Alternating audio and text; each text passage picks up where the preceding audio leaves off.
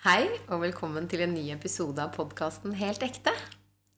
I dag har jeg fått besøk av Hilde Hoff. Velkommen. Takk. Kan ikke du fortelle meg hvem du er? Ja. Eh, jeg er Hilde. Jeg har blitt eh, 42 år. Eh, eh, oppvokst på Hadeland og har nå i voksen alder flyttet tilbake dit med mannen min Jo og to barn, som nå er fem og åtte. Og vi møttes eh, da vi drev med triatlon for mange år siden. Ja. Hvordan er det med deg? Det var tider. Trener du mye fortsatt? Eh, akkurat nå er det en dårlig periode, men eh, jeg har jo Jeg har jo holdt det gående. Men eh, ja. Det, det har endra seg litt. Når jeg hang med deg eh, i, eh, for 10-12-13 år siden, var det Da var det litt annet fokus enn det er nå, da. Men eh, trening er eh, Det er viktig for meg. Det er jo Ja. Men eh, ikke så viktig nå lenger. Det syns jeg er litt morsomt, fordi du er jo her fordi at eh, jeg så jo på deg som en konkurrent da vi drev med triatlon.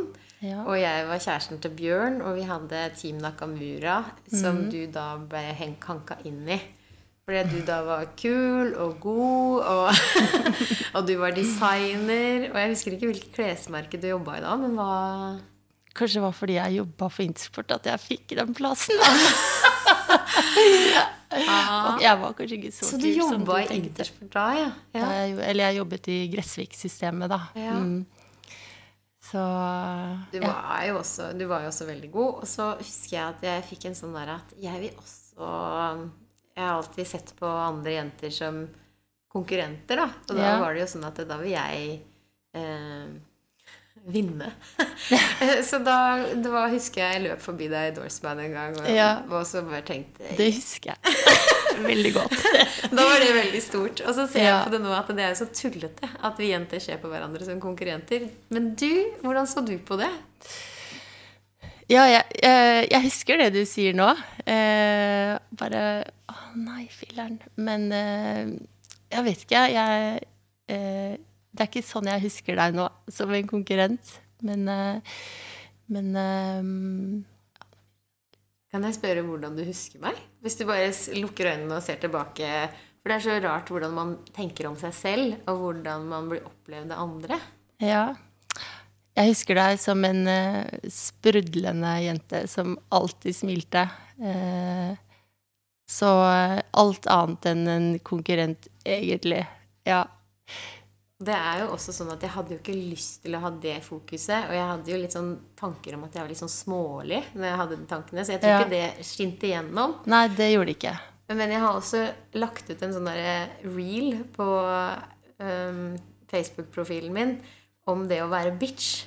Ja. Og når jeg da hadde en samtale med massøren min, og jeg fortalte en historie om at jeg hadde sunget eh, sangen 'Bitch' på en konsert, for jeg sang i band Oh, da, da jeg var student, så sang oh. jeg i eh, rockeband. Og da sang vi 'Bitch', og det er en av mine favorittsanger, fordi man er litt av alt. Mm. Og så han bare 'Du er jo ikke noen bitch. Det kan jeg aldri tenke meg.' Og så sier jeg jo, fordi at jeg følte meg litt dårligere enn andre. Litt, eh, syns litt synd på meg sjøl.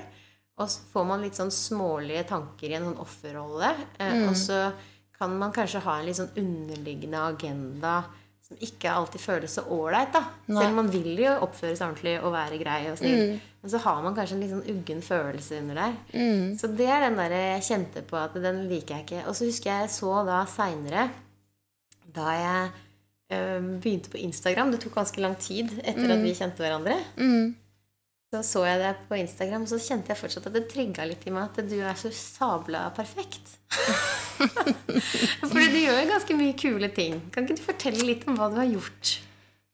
Både det å Ja. jobbe som designer, det er jo en sånn ting som ofte Ja, blir det sett på som perfekt? Jeg Eller? syns det virker veldig kult å være Ja, designer. det er hardt arbeid. Ikke, ikke, så, ikke så kult som det ser ut som. Nei, jo, det er kjempegøy. Jeg, designer Jeg jeg er jo født og oppvokst på landet på en bondegård, og med mamma som sydde klær til oss, og besteforeldre som eh, ja, lærte meg håndarbeid og bunadssøm og brodering og alt sånn.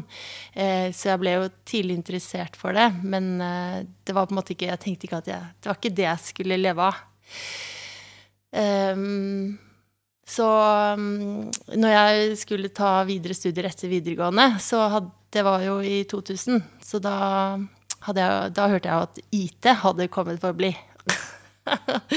så jeg var ok, da kanskje IT, da. Og så testet jeg det, og så satt jeg og tegna klær i eh, timene mens de andre drev og ja, programmerte i et språk som het Java eller noe sånt da, men det var veldig fint, for da kjente jeg at uh, det her er ikke riktig for meg. Jeg, jeg må finne ut hvor, hvor, min plass er. Og da søkte jeg meg inn på en, uh, en motskole som ligger i Oslo, som heter Esmod, en fransk skole. Og der ble det tre år utdannelse innen mote, søm og design. Og der følte jeg bare at jeg landet med det jeg elsker, og kreativiteten og ja, det var jo tre kjempeharde år, men også kjempe Jeg mest, følte jo at jeg mestret det, så jeg hadde jo funnet min plass, da.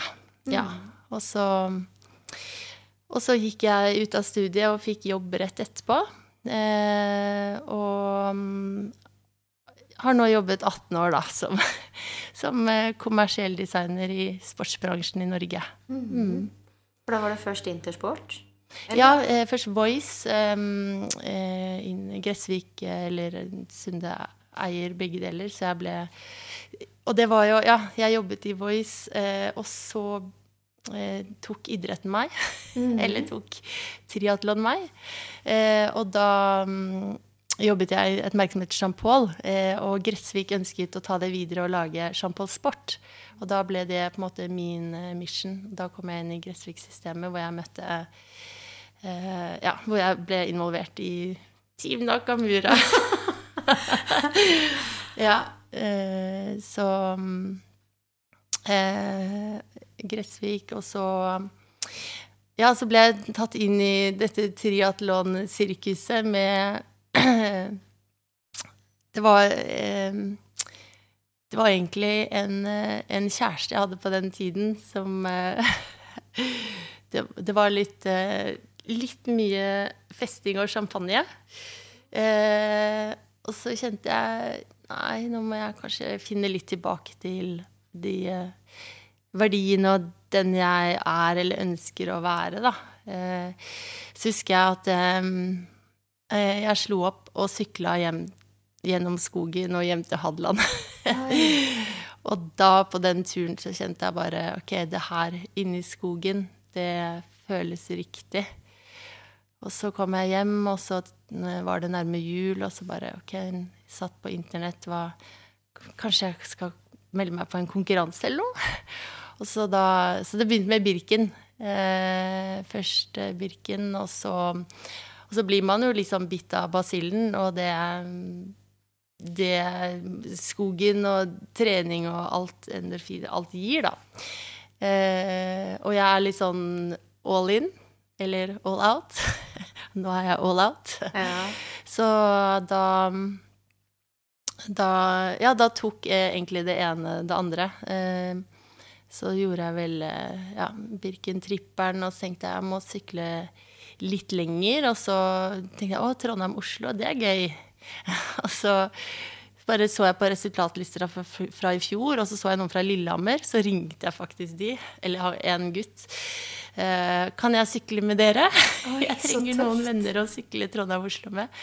Ja, ja, eh, så fikk jeg være med de, eh, og mm, jeg kjøpte meg en, en ræva sykkel, men har aldri hatt det mer morsomt enn den turen. Vi sykla på 19,5 timer, tror jeg. Og så tenkte jeg året etter jeg må sykle kanskje litt fortere. Så ble det Rye 16.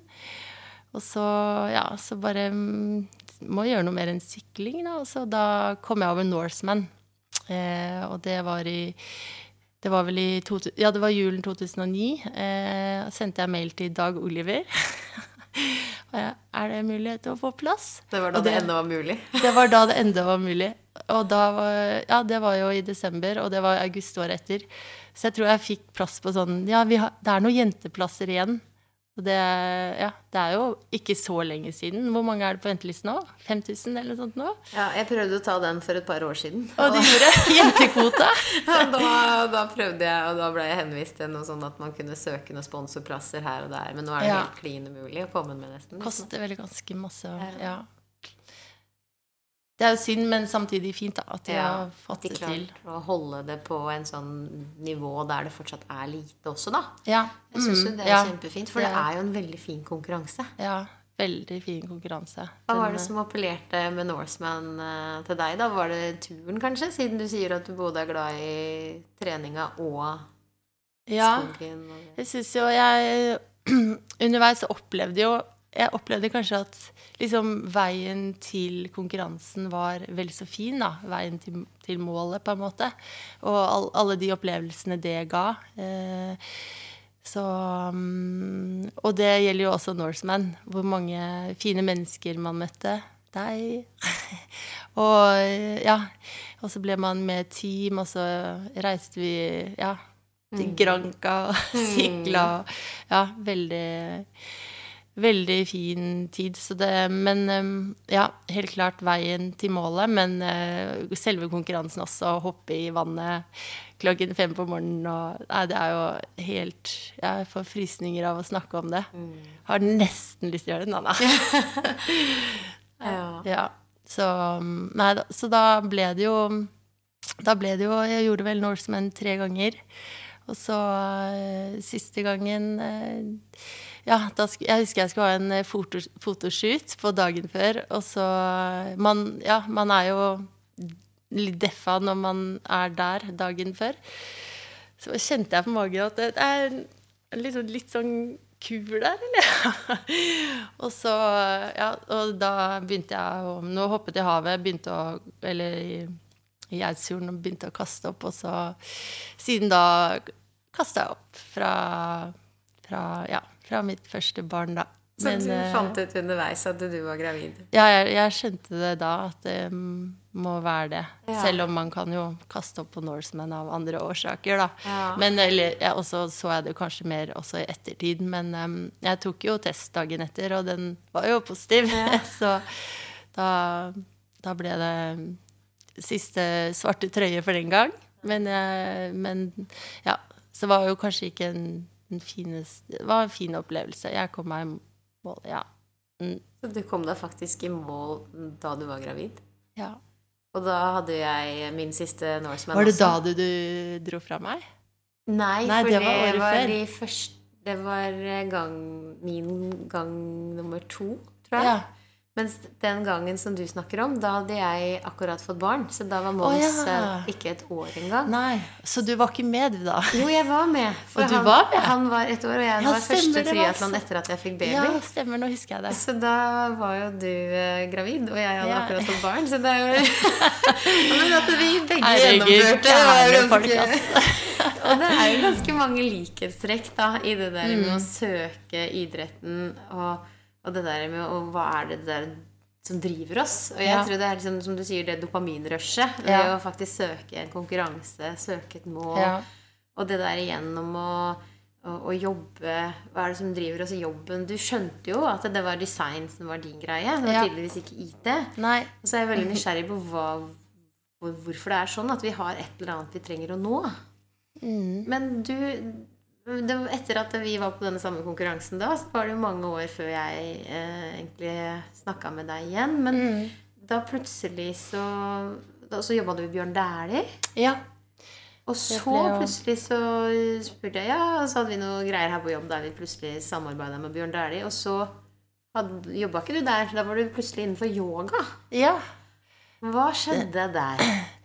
Nei ehm, det var jo der det sluttet. Jeg, etter Norseman så ja, ble jeg kontaktet av eh, Remi, eh, eh, som var sponsor på Norseman. Han hadde kjøpt en, et svensk merke, og jeg ble hentet inn for å designe den. Eh, så ble jeg da litt eh, Jeg ble ekspert på racing suits ja. eh, i langrennsmiljøet.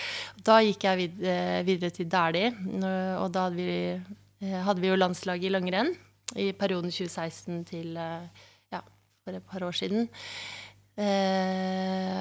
og så jobbet jeg i Dæhlie. Da hadde jeg fått et barn. Eh, det var helt topp. Jeg skulle jo som mor eh, gjøre akkurat det jeg gjorde før jeg ble mor.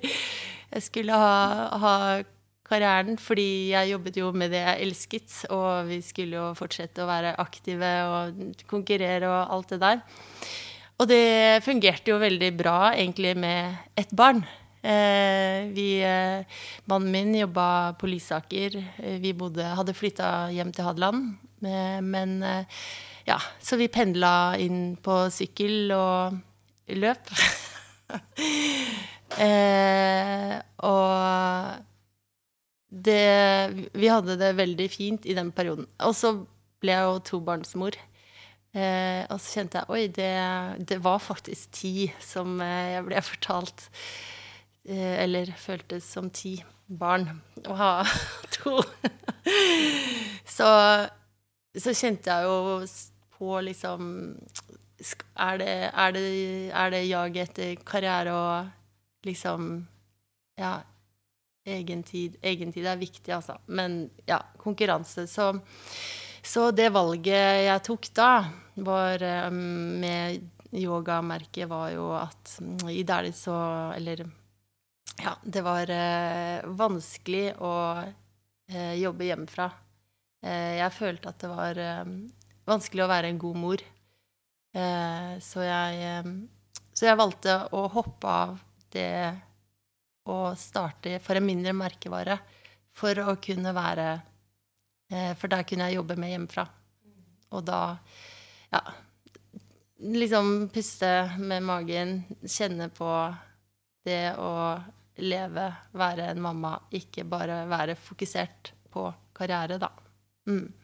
Så um, da um, eh, gikk jeg ned masse i lønn. og det var så verdt det. Og det er det, er det Selv om jeg, jeg hadde veldig fint i Dæhlie. Jeg var sammen med en Dæhlie-gjeng i går. Eh, så det er ikke noe med det. Men eh, noen ganger tar man valg som føles bra, da.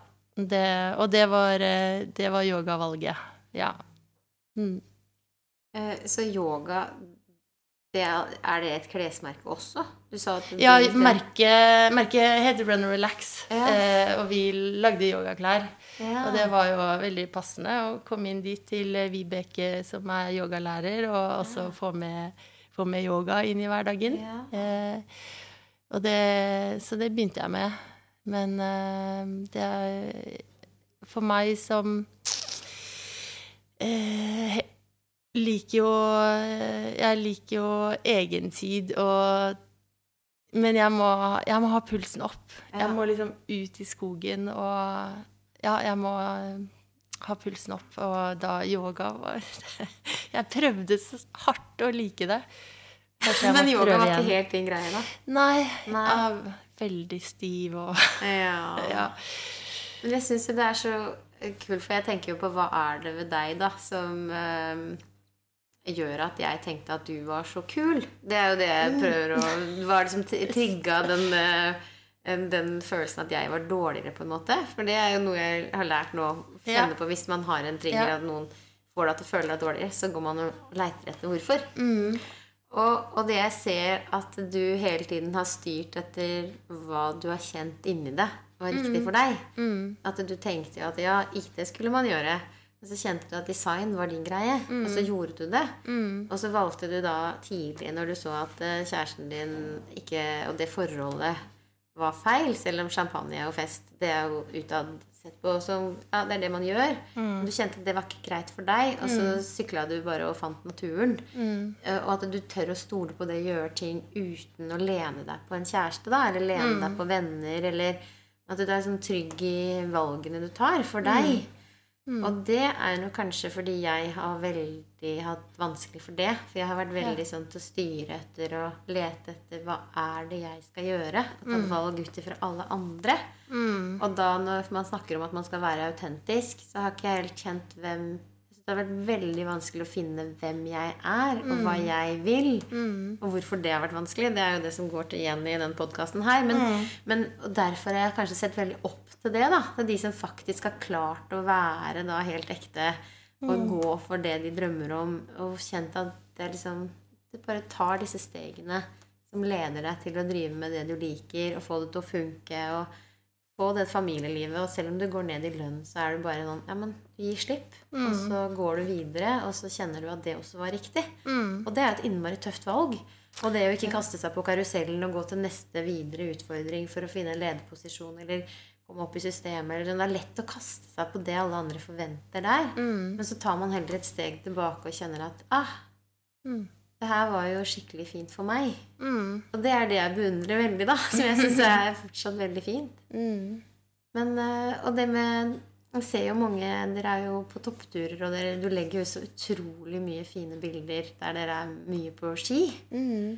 Og så jeg kan jo man også tenke bare, Å, hvorfor gjør ikke jeg mer av det? Og så husker jeg også så at du la ut et bilde fra en fjelltopp. Og da også hadde du jo fått barn, og så står det at det, ja, det er picture perfect, men jeg har høydeskrekk, og barna mine er ikke her. Og jeg savner eller sånn, og Der var en sårbarhet i at det, det ser fint ut på bildet, men det er også andre ting under her som kanskje ikke alltid er greit. Det er ikke alltid lett å vite Nei. at man kan være til stede i øyeblikket selv om alt tilsynelatende er perfekt. Mm. Husker du at du har følt det sånn noen ganger? At du er og streber etter det, det neste, men at det ofte ikke er perfekt likevel? Eller var det akkurat da at du kjente på det for første gang, eller? Kan du Det øyeblikket på den fjelltoppen Ja. Ja, nei, det uh, ja, vi, eh, Jeg kan se at vi er litt sånn irriterende Instagram-familie som er mye på tur og viser uh, liksom Ja. Vi, ønsket vårt er jo å vise turglede. Eh, ikke være sånn irriterende som bare Å, de er de kommer seg alltid uti. og de, er- de får til alltid. Det er jo overhodet ikke sånn. Og det er jo Prøver jeg jo å formidle også, ikke bare vise mm, de fine fjelltoppene, da. Med Men eh, Nei, det har jeg kjent på helt siden jeg ble mor. Det ønsket om å egentlig beholde eh, Altså, man må jo beholde den man er og eh, på ønsker å være, men eh, man får ny liv eh, inn, inn i hverdagen, og så skal man håndtere det. Jeg syns jo, frem, jeg synes jo fremdeles det er veldig vanskelig å være mor. Og håndtere alle disse nye fasene og eh, Ja, mye dårlig samvittighet, egentlig, da. Og, og ehm, jeg og mannen min liker jo begge å være mye på tur, og vi eh, prøver å være rause med hverandre. La hverandre få dra på tur. Eh, og, og, og fortsette å oppleve det man også kunne gjøre før barn. Da. Em, og når vi gjør det sammen, så er det jo så utrolig fint. Men da kjenner jeg jo på liksom OK, skulle vi tatt med barna, eller skulle vi gjort det her sammen? Men vi gjør det jo sammen også. Så det er eh, Og det blir sånn Det blir jo litt urasjonelt. Hvorfor, hvorfor trenger den dårlige samvittigheten å komme, da? Og det skulle jeg ønske at den ikke gjorde. Men den er der. Og mannen min, han har det ikke sånn. Jeg bare Å, kan du bare gi, lære meg hvordan, hvordan Men jeg tenker det har med hvordan man er som person, og jeg tror Ja. Og det er der jeg har kjent med mentaltrening, at man faktisk kan bare ved enkle ting snu Ja. den, sånn at man kan slippe det. Og Ja. hvis man også ser sånn som jeg Det virker som at dere begge har veldig fine familier, som de barna er hos når du ikke er sammen med de. Mm. Og hvis man ser på kanskje en systemfeil, da, at familiene er så små at foreldrene skal være hele verden og universet til barna, Mm. så går jo glipp, barna glipp av ganske mye, kanskje. Mm. Så kanskje det er en kjemperessurs at de får oppleve alle de andre gode menneskene som dere har Mm. i deres liv. For den tryggheten i å være Mm. med mange forskjellige mennesker. Og oppleve andre trygge personer som kanskje også byr på mye annen kunnskap og lærdom, da. Mm. Ja, det er jo akkurat det besteforeldre gjør. Ja. Eh, det er jo eh, Ja, det er jo Jeg kan jo ikke ta fra barna mine det fordi jeg på en måte har vanskelig for å gi slipp. Og det gjør jeg jo heller ikke. Det er bare det at jeg kjenner på det. Ja. Jeg står på den fjelltoppen.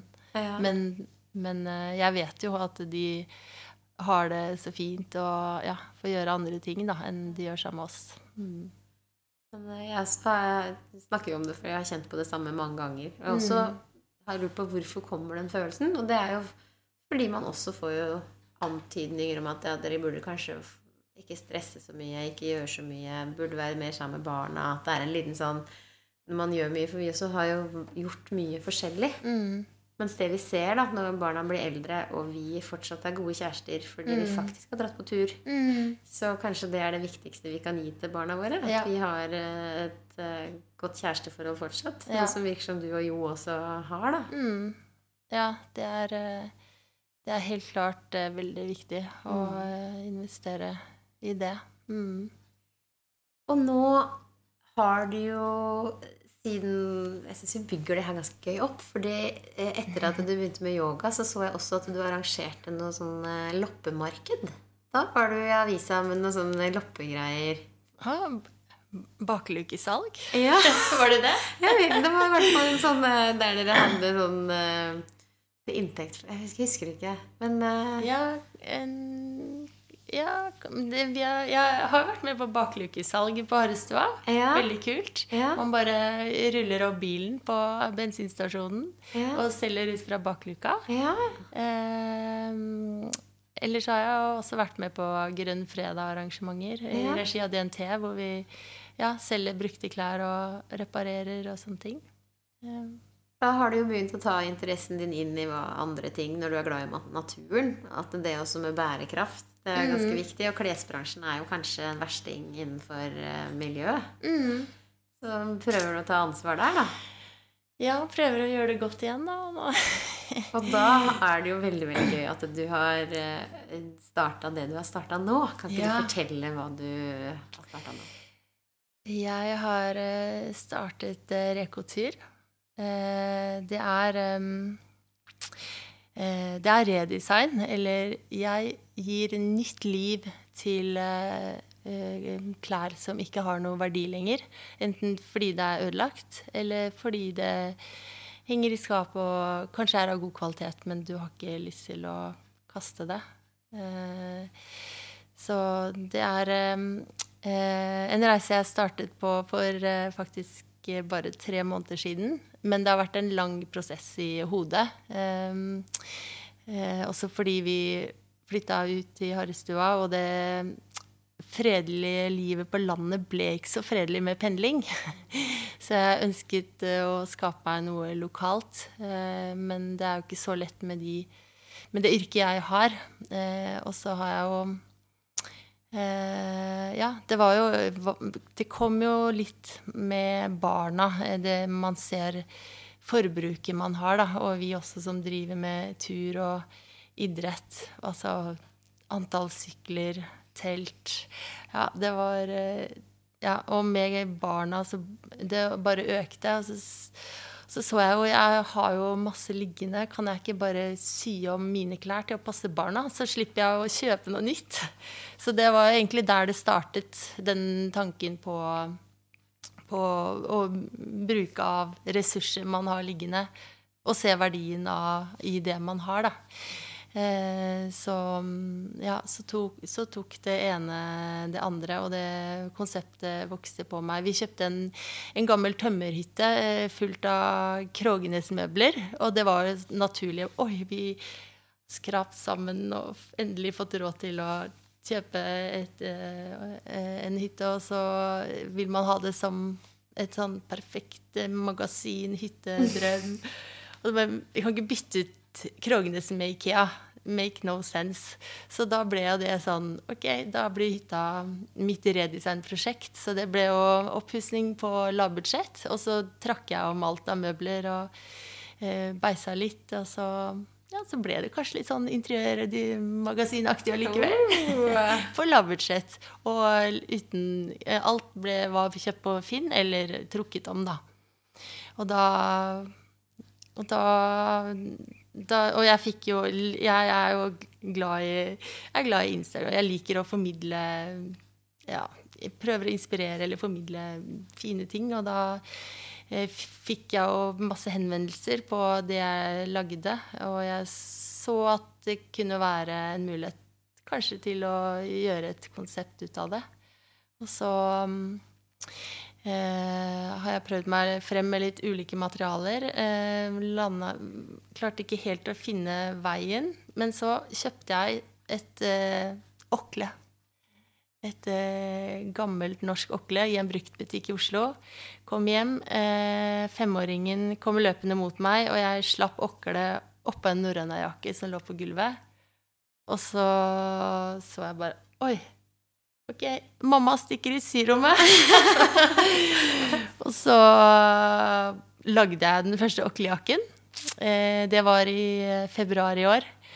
Eh, og dro på skitur Det var en fredag. Dro på skitur på lørdag, og så ble det jo et bilde på Instagram da, for å vise den perfekte lørdagen på skitur. og så bare eh, fikk jeg jo masse kommentarer og bare oh, wow, den jakken eh, Ja, det var um, Det er jo da Okle som vet hva det er. Mm, ja, det var neste spørsmål. Nå må du fortelle hva et okle er, for det, Okle, det sier ja. seg ikke sjøl. Nei, det, det er jo noe eh, de fleste har eh, i hjemmet eller i besteforeldrene sine hjem sett på veggen, eller man har kanskje lagt merke til det som noe man ikke syns er så veldig fint. Ja, det ble jo Tidligere ble det brukt som, eh, eh, som isolasjon på, hus, på husveggene fordi det trakk gjennom tømmeret. Eh, men etter hvert som husene ble varmere, ble det jo et, brukt som dekorativ kunst. Eh, og ja, så det ble jo på en måte produsert av norske håndarbeid- og håndverksdamer på 1900-tallet. Og disse eh, oklene har eh, ikke noe verdi i dag. Altså, de kan ha verdi hvis det er noe man har arvet, eller noen, en mamma har laget et okle, eh, som også jeg får masse henvendelser på, som er veldig hyggelig. Um, så det har jo verdi i form av det, men ikke Jeg kjøper det jo brukt på Finn til eh, Ja, til eh, en rimelig penge, eh, og det er brukt mange timer mange timers håndarbeid bak et sånt okle. Så det er jo eh, norsk, eh, norsk kultur og norsk håndverkstradisjon som jeg da eh, implementerer i et moderne produkt som er ødelagt. Det er jo også second hand. Eh, og så blir det da moderne nytt. One of a kind piece. ja. Altså, de er jo så utrolig fine. Og jeg irriterer meg jo grønn for de oklene eller det broderiene og veven som ligger overalt i eh, Ja. min svigermor sitt hus. ja, ikke sant? Da er jeg bare Åh, det her kan jeg lage noe av med Hilde. Og, Ja. Men svigermor, hun bare Nei, Ja. man skal ikke sy om disse gamle, Nei. fine tingene. Så skal ikke tulle med det. Og Nei. har vi hatt en diskusjon, da. Og, Ja. og da må jeg jo respektere at hun, Ja. for henne så er det den, som du sier, da, den verdien av minner og, Ja. og tradisjon og det arvegods og alt det der. Mm. Så så jeg det. Vi har et innmari fint et på hytta. Og så har jeg sånne gamle sånne fjellrevenanorakker. ja. Og de passer helt perfekt sammen. Oh. Så er det jo Bjørn sin familie. Oh, det- og jeg spurte sånn Er du sikker på at det ikke var det her jeg arva av Ja. mormor som jeg hang opp på hytta? Nei, det var nok ikke det. Men det er Ja, nei, men det, jeg, har, jeg har veldig respekt for det håndarbeidet. Så de eh, jeg klipper i stykker og gir eh, Jeg gir de jo et nytt liv. Mm, det er jo de som eh, blir solgt, og det er jo Jeg ville jo ikke ha klippet i det du har på hytteveggen, når, når det er en historie rundt det. Og jeg jeg sto jo var med på eh, Fabrikstad i Vikingskipet. En kjempestor eh, Verdens største syfestival i, eh, i august. Og Hamar Husflidslag hadde stand ved siden av meg. Og jeg sto der med disse oppklipte oklene, og jeg tenkte sånn Åh, håper de kommer bort og liksom Eller kanskje ikke. Men eh, de kom bort, og de så liksom ja, respekten jeg hadde for det håndverket jeg hadde laget. Eh, så de Jeg fikk liksom godkjent av Hamar Husflidslag, så det var veldig hyggelig. Men eh, jeg har jo Jeg har ikke fått mange, men jeg har fått noen kommentarer på at eh, du må ikke klippe i det. Mm. Men eh, men, og jeg kan forstå. Men samtidig, mange okler ligger bortgjemt. Og det jeg gjør, jeg løfter det jo faktisk opp og gir det et, lar det håndverket skinne igjen, da. eh, Ved at man 20-åringer går rundt med det. Og jeg tenker eh, det kan jo ikke vises på noe bedre måte, egentlig. Og så er det nok å ta, da, i de norske hjem. Jeg, jeg lover, jeg skal ikke utslette oklebestanden i Norge. Nei, det skal jeg ikke. Jeg syns det er kjempefint, for tenk på alle de bestemorshjemmene som bare folk ikke Ja. orker å ta i fordi det er så mye rot og skrot. Mm. Og så tenk på alle disse her som bare har blitt kasta, for det er jo ingen som kan ha det Ja. i hjemmene sine. Og vi bor jo i et funkishus, men vi har faktisk både et veggteppe på? Ja. og en sånn birkebeinerstav. ja. Fantastisk. For Bjørn kommer fra en sånn familie det er sånn tradisjoner, da. Men, eh, men, Nei, men det er det er ikke sånn som vanligvis passer så veldig inn i moderne hjem. Nei, men så er det Det er liksom det jeg har på en måte på veien, at det kan vi se på det vi har, med et nytt øye. Altså man tenker ja, det er, nei, det er noe gammelt, noe som bestemor hadde. Ikke, det har ikke noe verdi. Men hvis man liksom Litt igjen det med å se verdien i det man har, da. Mm. jeg, eh, En venninne av meg de bor i en funkisbolig i Oslo. Og hun eh, eh, Bestemoren hennes døde, og så arvet hun to okler.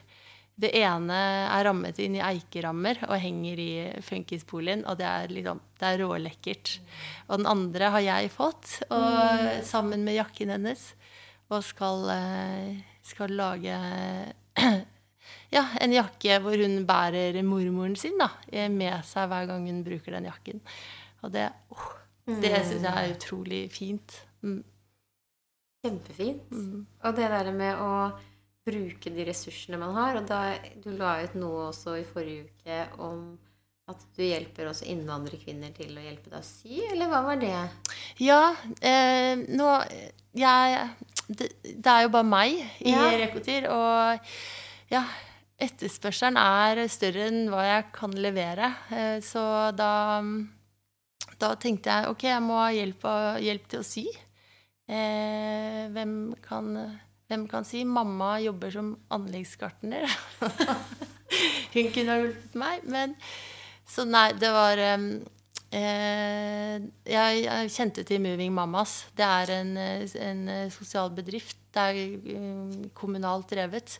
Eh, som hjelper innvandrerkvinner inn i det norske arbeidslivet.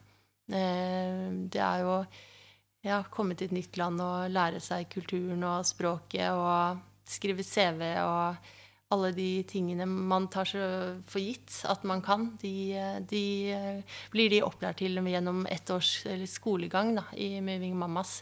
Og det er jo innvandrerkvinner som gjerne kan sy, så de har eh, en systue da, på Jevnaker eh, lokalt, ikke langt fra meg.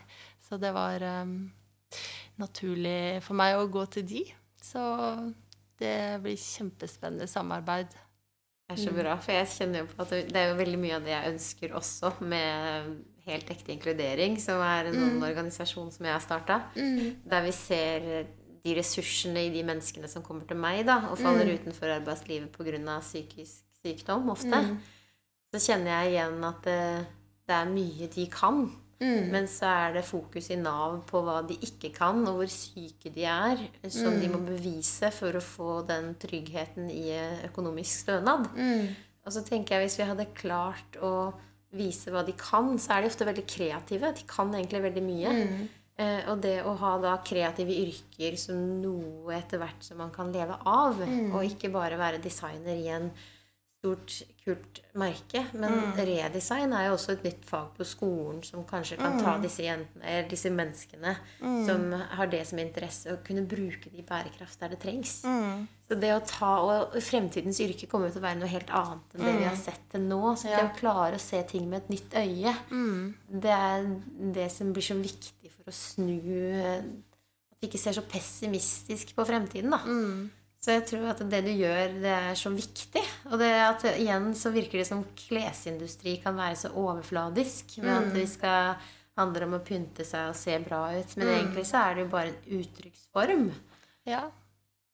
ja, det er jo det. Og jeg vet ikke, for meg har det vært viktig eh, Det startet jo med at jeg ønsket å skape meg en arbeidsplass ute på landet. Eh, og nå mm, som eh, ja, jeg er i den bransjen jeg er, så det kunne jo vært naturlig for meg å trukket inn til Oslo. Kanskje fått meg et studio der og sånne ting. Men det er veldig viktig for meg å, å, å skape ja, lokal verdiskapning der hvor jeg er, da.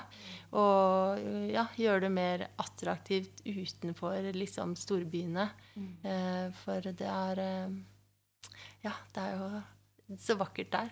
Og så er jeg, jeg har jo vokst opp med en funksjonshemma lillesøster. Eh, og hun har jo inspirert og lært meg utrolig masse om, ja, om eh, livet. Hvor eh, lite perfekt det trenger å være for at man har det bra. Og ja, den- ja jeg så jo Fulgte jo Vi har jo fulgt hennes reise, og da er det jo utrolig Det er viktig for meg å på en måte ta liksom eh, ja, utenforskap inn, inn i varmen og bare ja, eh, bruke de ressursene som alle disse menneskene har. Da. De, har jo, de har jo sin historie som kanskje gjør at de er sykemeldt fra én jobb, men de kan helt sikkert gjøre en veldig bra jobb hvis de kommer i ja, noe de trives med. Da. Det, så jeg har også vært i, er i kontakt med, med Nav lokalt på Hadeland, og de, de er faktisk veldig gode på akkurat det. Og de Ja. eh, Jeg tror vi kommer til å få til noe sammen der også. Mm. Så kult. Jeg har jo snakka litt med lokale eh, De som syr her i byen også. Ja. vi har jo både Husfliden, og så Ja. har vi jo eh, Bogart, som er eh, sånn lokal kleskjede her. Ja. Og så er det også noen sydamer som jeg kjenner, da, som Ja. er kreative. Og så tenkte jeg åh, det hadde vært kult om kanskje vi kunne Eh, Når du har lyst til å utvide din eh, greie, så kan jeg hjelpe deg i gang her i Tønsberg. Ja. For da kan vi bruke igjen de vi får i, i organisasjonen Ja. eh, vår, da. Ja. Som da kan gjøre noe av det lignende som det Eller gir en del av Rico-tur, f.eks. Det er Ja. sånn som jeg begynner å se. ikke sant?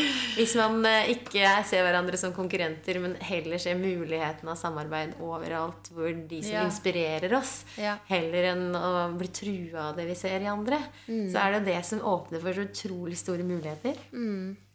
Så Helt klart.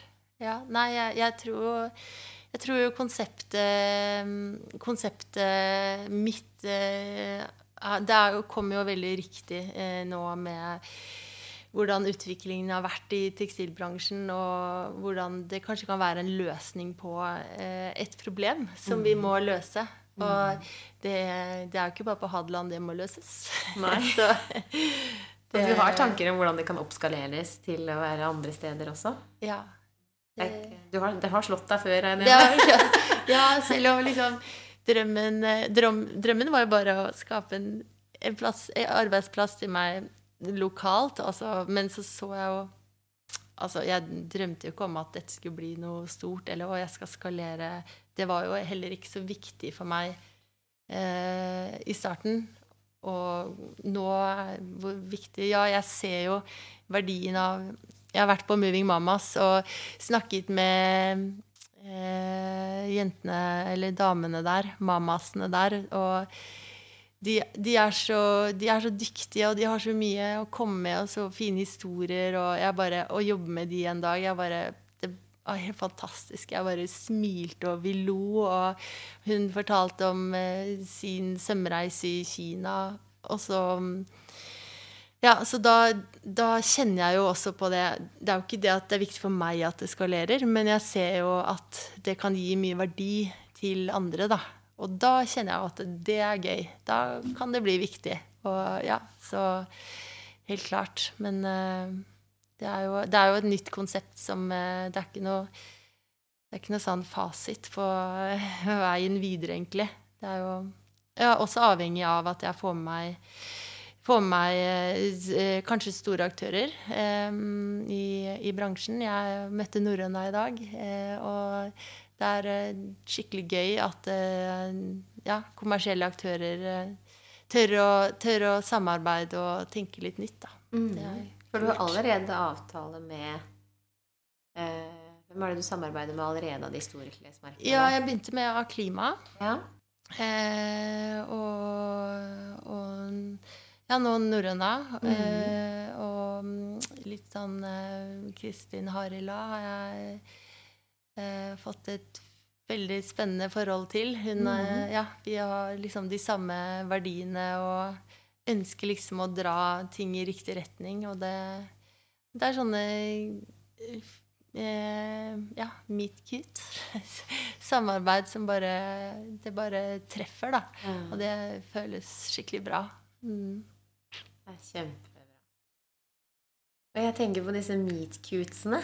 Eh, jeg har jo Eh, jeg er jo blitt sånn skikkelig mentaltreningsnerd. For jeg syns det er så spennende det med hvordan vi finner ut av å stole på magefølelsen, da, som har tatt deg dit det har ja. tatt deg. Og, og, hva er en magefølelse? Mm. Og i forrige episode av denne podkasten så hadde jeg en Emily som driver Human Design, som forteller oss sånne stjernekart Ah. Om hvordan eh, reisen vår kan gå, da, hvis vi lærer å lytte til disse tegnene og ta oss en vei. Ja. Og det syns jeg var veldig spennende. Så da er det igjen, også når jeg har gått inn i mentaltrening og forska litt på hva mentaltrening er, så er det veldig mye av de mentaltreningsteknikkene som er, vi hører om, mm. som er veldig i det bevisste. Mens mm. når jeg da ser også hva øh, mentaltrening er, så er det mange som også jobber ned i det ubevisste. Mm, ja. Og da når vi finner ut av når vi kommer, Fordelen med å gå ned i det ubevisste er jo meditasjon. da. Det, og meditasjon har vist at man er helsebringende. Og hvordan du da kommer mer i den kontakten med akkurat disse tegnene som kan leses bedre. Mm. Så f.eks. det å stole på en meet-cute og se at mm. dette her er noe som bare Kanskje en følelse av at det bruste fordi det var et veldig artig møte, eller en god mm. følelse i, i, det blikket du så, eller den kjente At man, man har en følelse av et eller mm. annet. Mm. Og så går man for at det her er et fint sted å være. Det her tør jeg stole på. Så, så, igjen fra min bakgrunn, der jeg tok disse følelsene som sånn Nei, her er jeg redd for å bli avvist, så da unngikk jeg heller den veien. Mm. Fordi hvis mm. man ikke lærer seg å forstå seg selv, så kan man la disse tegnene som kroppen gir deg i underbevisstheten, eh, at du kan gå andre veien i frykt for å møte mm. disse mulighetene. Mm. Eh, og det er der jeg kjenner at det er så viktig å, å, å lære å ikke handle på gamle mønstre av det du har opplevd fra tidligere. Der du da har erfaringer som gjør at du handler i en sånn mønster der du unngår mulighetene. Mm. Eh, mens du faktisk går og er nysgjerrig på mm. eh, de følelsene du hadde der. Hva er det som trigga dette her i meg? Mm. Hva er det som trigga min usikkerhet når jeg så da at det var noe i dine Instagram-poster som jeg følte meg trigga av. For det, mm. det, jeg trodde jeg hadde kommet lenger, ikke sant? for jeg mm. digger jo deg. og da var grunnen når jeg føler at jeg har det så bra, hva er den følelsen? Og hvis man går inn og utforsker det litt, så ser man at ah, det er jo fordi jeg syns du er så awesome, og så har jeg lyst til å, eh, å bidra og, og, knytte kontakter, og sånn at vi da kan drive en sånn synergieffekt, for vi driver jo med akkurat det samme. Vi ønsker jo akkurat det samme. Mm. Så, så hadde man ikke lært mer om det, så hadde vi gått glipp av store muligheter. Og det er derfor jeg tenker at mentaltrening er jo et kjempeviktig verktøy for at vi skal da ikke forkaste mennesker som ressurser som ikke blir brukt. Vi må lære det tidlig i både skole og um, foreldre må kunne det for å, ikke, for å være gode foreldre, sånn at neste generasjon skal også få bedre verktøy og håndtere følelsene sine bedre. da. Og, og guides litt av det kroppen prøver å fortelle oss, at vi faktisk har en intuisjon. På Ja. gründerkurs, altså Alle snakker jo om intuisjon. Og det er jo noe som er så opplagt at det er viktig å følge. Men hvordan følge den hvis man ikke har lært å ta følelsene sine på alvor? Mm. Ja, nei, det er eh, Det er nysgjerrighet, da. Det tror jeg er utrolig viktig. Og eh, Ja, nei jeg alt, Magefølelsen har alltid vært veldig sterk, og det syns jeg mm, Det har vært veldig trygt, egentlig. Jeg, jeg har også blitt påvirket av eh, mennesker rundt meg og følt på det du har følt på. Det føler vi vel alle på, men eh, nei, det er, eh, det er, det er fint å ha en sånn veileder fra innsiden. Selv om det er ikke alltid den tar riktige valg. Men eh, jeg var i, på jentetur i Gøteborg for et par helger siden. Eh, det var søndag, og vi skulle kjøre hjem i, bil. Men jeg bare, jeg bare kjente at det, det Jeg var på en sånn second hand-butikk der på fredagen. Men det var, ikke, det var ikke shoppingtur, så jeg måtte dra dit på søndagen igjen. Jeg bare, jeg bare kjente at jeg skal tilbake til den butikken. Eh, og, der, eh, og der kom jeg og, og hadde et meet-kutt igjen. Magefølelsen dro meg dit. Og der sto eieren av butikken. Han har jobbet med second hand i 42 år. Og nå, to uker etter, har vi melder hver dag, og han har blitt en kjempestor og viktig ressurs for min vei videre. Og han også. Jeg sa, jeg sa til han, fordi eh, jentene ville hjem, så jeg bare OK, dere kjører hjem. Jeg tar toget. Det her, Jeg bare kjente at det her er viktig. Og vi satte oss i bilen hans, kjørte til, eh, til lageret fem kilometer utenfor eh, byen. Jeg hadde kjent han i tre minutter. Jeg, jeg følte meg helt klin gæren. Men, eh, men jeg turte det, fordi jeg Altså, jeg kjent, Jeg så jo og kjent, følte at han var trygg. Men eh, jeg eh, Jeg tenker hvis pappa hadde visst hva jeg gjorde da Nei, jeg, jeg følte meg litt gæren. Men det var og, der, eh, og det møtet ble så viktig. Og så sier han til meg Jeg skulle egentlig ikke i butikken i dag, men jeg hadde en dragning mot butikken. Han kjente at han, han skulle dit. Og det bare kjente jeg at eh, Ok, magefølelse og ja, intuisjon det, eh, det kan man stole på. Det er trygt. Og nå eh, ah, Det her er superspennende, for i neste sesong av Ja. eh, denne podkasten, som begynner på nyåret, så har jeg en tanke om at jeg skal grave enda mer i hvor denne magefølelsen kommer fra. Ja, oi, spennende. Og jeg har eh, spennende historier og gjester som skal da dra oss litt gjennom historien. For jeg tror at når jeg kan alt det jeg kan om psykologi etter å ha lest det i, tann, ja, Ja. i medisinen, ja. og også da i ny hjerneforskning om hva vi vet om, eh, om det mentale, om hjernen vår, og det ubevisste, og det med meditasjon. Og det er veldig mye vi vet. Ja. Og så er det jo rart hvordan vi mennesker har hatt en hang til å finne på religioner, sånn som jeg har sett det. ikke sant? Og hvor er det det kommer fra, allting? Mm. Eh, og, og i det underbevisstheten i vårt følelsesliv så er mønstrene våre så innøvd. Og, og, og for å kunne endre seg, som jeg sa i stad, mønstrene sine, så må man bli bevisst hva som er i underbevisstheten vår. Mm. Og så leser jeg en innmari fin bok om danseterapi. Og der står det også hva det underbevissthetet i kulturen vår er. Og da, for å endre retningen i kulturen vår, der vi snakker om polarisering, som er et kjempeproblem, og som jeg ser det, hvis vi skal gå videre, så må vi få bukt med polarisering. Mm. Da må vi se ned i underbevisstheten i vår kultur, Mm. om hvor den polariseringen kommer fra. Så vi må se neste sesong skal jeg begynne å drive mentaltrening med vår egen kultur. Da.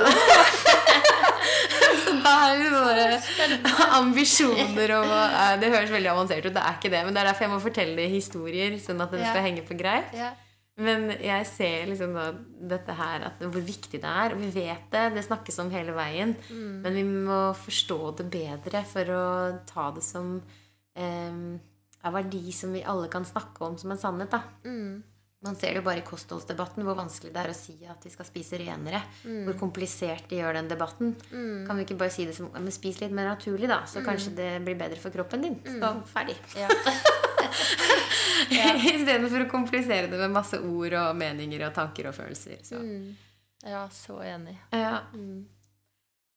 Eh, jeg hadde jo veldig lyst til å også spørre deg om hvor viktig mannen din har vært oppi alle disse avgjørelsene. Men er det sånn at du styrer helt i ditt eget eh, virker ganske stødig i retningen din. Hvor viktig er Jo i å, at du tror på det her? Nei, han er selvfølgelig veldig viktig. Er, vi er jo vi, vi har jo en familie som skal eh, fungere, og barna skal legges, og matpakker skal lages, og sånne ting. Eh, så det er jo eh, Han er jo en stor del av Rekotyr og hele prosessen. Han er jo også gründer nå, eh, ved siden av sin eh, jobb i Trimtex. Eh, så eh, jeg tenker alle eh, Magefølelse kan jo sånn sett være egoistisk. Så hvis det hadde vært et dårlig valg for familien, eller for Jo, så hadde jeg jo ikke gjort det, kanskje. Det, det meet cute i, i, i Sverige og Göteborg førte til at, at jeg kom hjem veldig sent, da. Tolv på kvelden. Men det går bra. så Nei, så han, han er en viktig støttespiller. Det er helt klart. Eh, Det er jo Det er jo ikke eh, liksom eh, fett økonomisk å starte et selskap og alt det bringer med seg. Så det er jo Det er jo Ja, helt klart eh, et samarbeid. Ja. Men han kommer vel også fra en litt sånn gründerfamilie? Gjør han ikke Ja, det, da? det, det gjør han. Så han, eh, han har eh, Han har gode gener der. Eh, Han, han også er jo veldig eh, utforskende og uredd og sånne ting. Men eh, er kanskje ikke helt uredd. Jeg er uredd. han, han, eh, han tenker jo på en måte et eh, Han tenker jo et steg videre, da. Ok, vi må vi kan ikke gjøre sånn, for da har vi ikke råd til å betale de regningene. Jeg bare gjør det. Ja! Ja. Så det, det tenker jeg er en fin balanse, da. At han, han tar den, den seriøse rollen. Og så kan jeg Ja. Jeg leker ikke, da. Vi, vi det. Det snakka jeg med Bjørn om i dag til Ja. morgen òg. Fordi jeg er jo ikke opptatt av um, penger. Så derfor Nei. er det vanskelig for meg å håndtere penger. ja da, eh, jeg har det helt sånn, jeg også. Og da er det også sånn at det er en veldig deilig, trygg eh, Jeg ser jo at eh, for at vi skal få muligheter, så må vi håndtere penger. Ja. Og det er trygt og godt for barna våre, og at penger er viktig Ja. i samfunnet vi lever i. Mm. Eh, og å respektere det. Mens eh, det er jo også heldig at da har jeg ikke behov for å skaffe meg alt mulig heller. Så jeg bruker jo også veldig lite penger, da. Ja. Eh, men så det den der balansen der. Det er Ja. viktig at man kan utfylle hverandre, da. Ja, det er, det er veldig fint. For mm. nei, som du sier altså, Så lenge man på en måte har, har penger til å betale regninger, og så er det jo opp til oss selv egentlig hvor, hvor høy den bunken er, da. Nå har jo vi skaffa oss den hytta som gjør at det er flere regninger. Men, Ja. men samtidig så den gir oss muligheten til å være på fjellet, og den, den gir eh, Ja, mer ute i naturen og Mm. den kontrasten fra hverdagen, da som eh, er viktig for oss. Så det er, jeg tenker det er viktig å liksom være trygg på hva man ønsker å bruke tid og penger på. Mm. Mm. Det er også med verdier så gjør det at man kanskje trenger færre ting. Og Mm. grunnen til at man har et sånt samfunn der det hoper seg opp med Mm. forkasta klær i skapet, er jo kanskje en forbruksbulimi der man hele tiden søker ting og kjøper ting Mm. som man føler at man trenger, fordi man egentlig ikke vet hva man savner Ja. inni seg. Ja, nei, men det er jo sånn. Og det er sånn samfunnet Det er liksom kjent på hele veien. Bare, man vil liksom hele tiden ha noe mer. Ja. Bare, men blir jeg lykkelig hvis jeg får noe mer? Sånn, samme det huset vi kjøpte. Det ble helt spontant kjøp. kjøp og vi, vi trives jo godt. Men jeg har liksom hele tiden tenkt at jeg har ikke landa her, jeg vil ha noe mer. Og så bare sånn Trenger jeg noe mer? Nei, gjør jo ikke det. Det er jo, det er jo stort nok. Og skal vi ha mer plass for å ha mer utstyr, så vi bare kan fylle opp og bygge ut? Ikke sant? Nei, vi må kvitte oss med utstyr. Vi må dele og låne. Ja, så det er, men det er fint da å kunne liksom, erkjenne prosessen og at det endrer seg. Mm. Og så kanskje forhåpentligvis eh, tenker barna våre veldig annerledes enn det vi gjør. For sånn vi har tenkt de siste 20 årene, er, eh, har jo ikke vært bra. Nei. Og jeg var på tur med svogeren din, eh, Gjermund. Ja. Og han fortalte jo da at Jo er oppkalt etter Jo Gjende. ja. Stemmer det? ja. Hva vet du om Jo Gjende?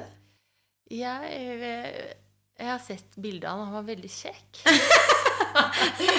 Skikkelig friluftsmann. Nei, Han var vel en eh, ja, De arrangerte jo et, eh, et renn på, eh, på mine svigerforeldres gård oppe i Jotunheimen. Eh, Jo Gjende-rennet. Oi. Eh, så da, men eh, det satte seg kanskje ikke helt eh, om eh, historien rundt Jo. Han var vel en, en form for loffer i fjellet, var han ikke det? Jo, og så var han også en sånn naturfilosof. Ja. ja Så han sant. så litt på den der helheten Ja. og bærekraften i fjellheimen. Ja. Og så blei han en veldig sånn eh, Ja, en sånn fyr folk likte å komme til og prate med. Og han forsto regn, og han forsto veldig Ja. mye av naturen. da. Stemmer det. Jeg husker det nå. Men så han syns jeg er veldig spennende. Men, Ja. han, eh, men Jo er ikke i nedarvet slekt fra Jo Gjende. Det Nei, sånn. det er han nok Nei. ikke. Nei, Men de, de kan jo være litt like, da, egentlig. Og av utseende òg. Mm. Jo er jo veldig kjekk. Ja. Dere er et pent par. Mm.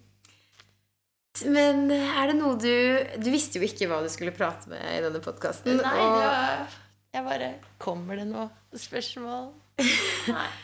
Og du har jo vært eh, litt sånn tydelig på at det å prate er kanskje ikke din måte å formidle på. Du har jo snakka om det med Instagram og bilder, og, og, og at design er din uttrykksform. Mm. Men nå er det ikke Nå turte du å hoppe i dette her, da? Ja. Det, det gjorde jeg. Hvordan har det vært for deg? Nei, jeg tenker det er eh, gøy å gjøre ting man ikke kan. Uh, og også ikke er komfortabel med, fordi man vokser jo i det. Og så er jo du utrolig behagelig vesen, da, Cecilie, så det er ikke så vanskelig å prate med deg, egentlig.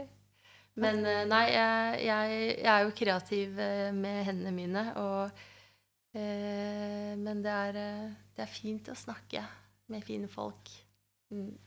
Tror at den kommunikasjonen og det for å få det igjen Se de ressursene og bruke de ressursene i de vi har rundt oss, så må vi snakke sammen. Vi Mm. må få de gode, meetcutesene. Og Mm. de kommer gjerne i form av kanskje først et smil og en følelse, men kontakten binder oss jo sammen når vi først finner de rette ordene, da. Mm. Og når man tør å ta kontakt. Ja, når Ja. man tør å ta kontakt.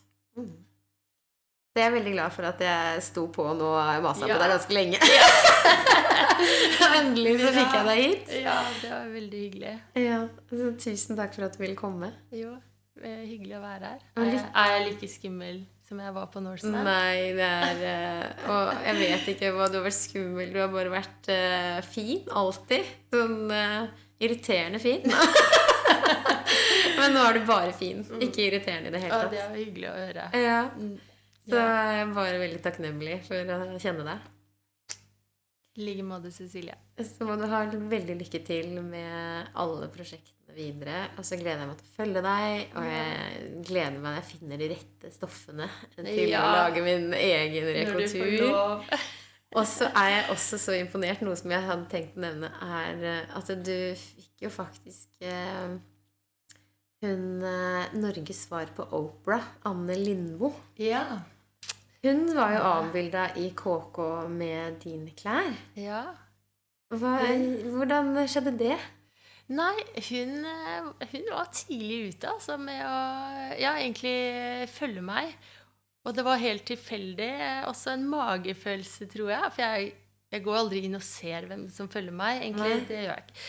Så, så jeg så for Anne Lindmo begynte å følge meg, og så da Når man skal starte en merkevare, så er det jo Det handler jo, om, handler jo mye om markedsføring og gjøre det kjent. Og så tenkte han jeg eh, jeg ønsker ikke å liksom bruke influensere altså skal, skal jeg gi produkter til influensere som får betalt for å si at du skal kjøpe det?